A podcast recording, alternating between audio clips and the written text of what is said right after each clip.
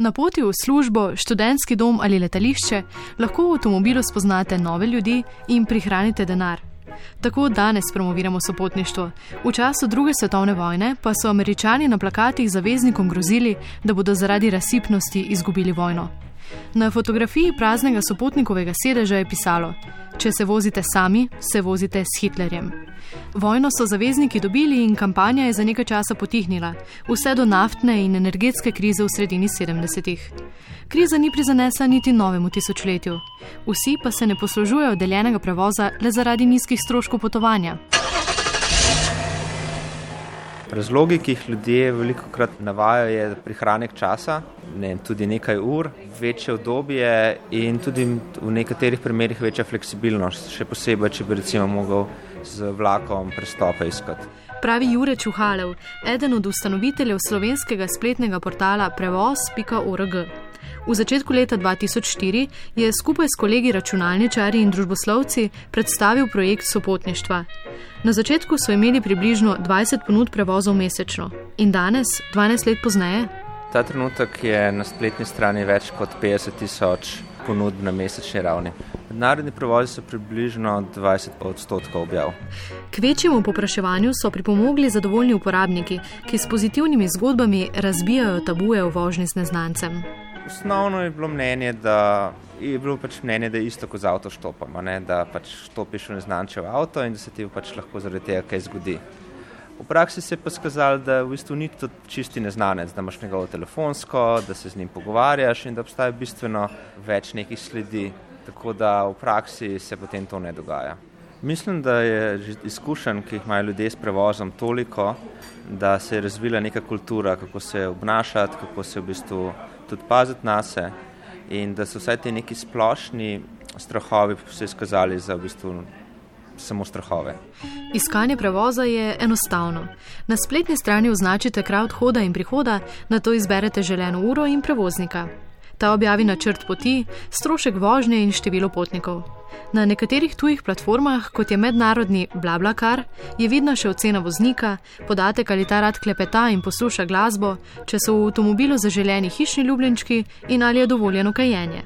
Pri nas to vrstnih opisov za zdaj še nimamo.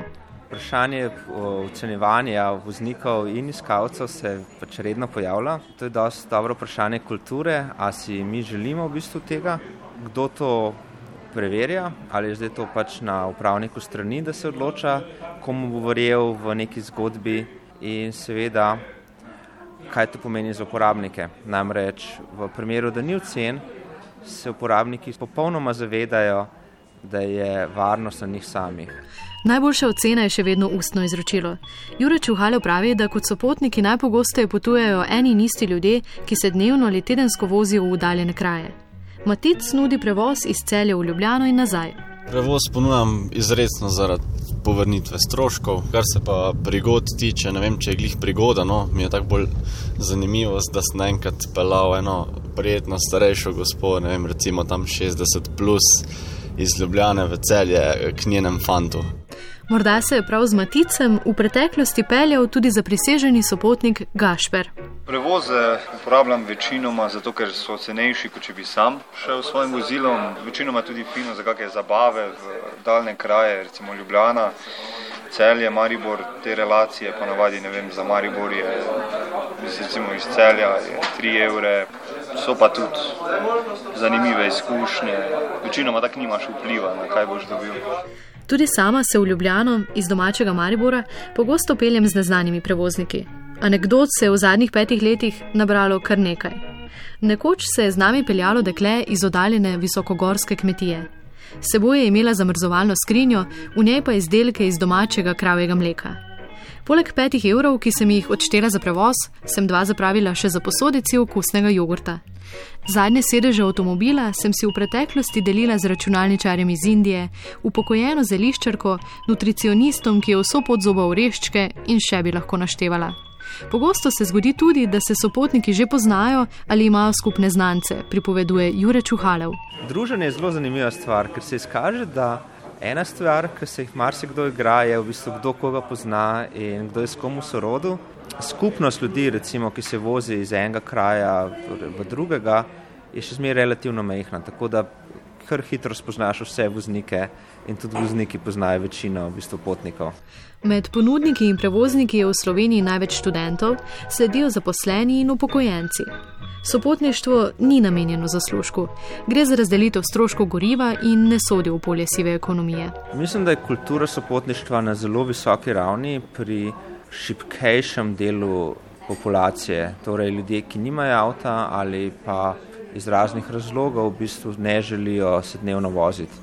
Kultura je visoka pri študentih in tudi pri marsikaterem dnevnem migrantu. Soustanovitelj spletne strani prevoz.org pojasnjuje, da je stran nastala po vzoru tujih platform. Zelo priljubljeni so portali z mednarodnimi prevozniki, z neznanci lahko prepotujete skoraj celo staro celino. Je pa odnos do sopotništva v vsaki državi drugačen. Jure Čuhalev je še posebej navdušen nad američani. Všeč mi je ameriški model, kjer v bistvu s tem tudi spodbujajo sopotništvo. Ideja je, da, da imajo potem posebne odseke, kjer se da ljudi bolj varno pobirati. S tem, ko imajo sopotnike, lahko izkoriščajo pasove za, pač, za več udeležencev v avtu.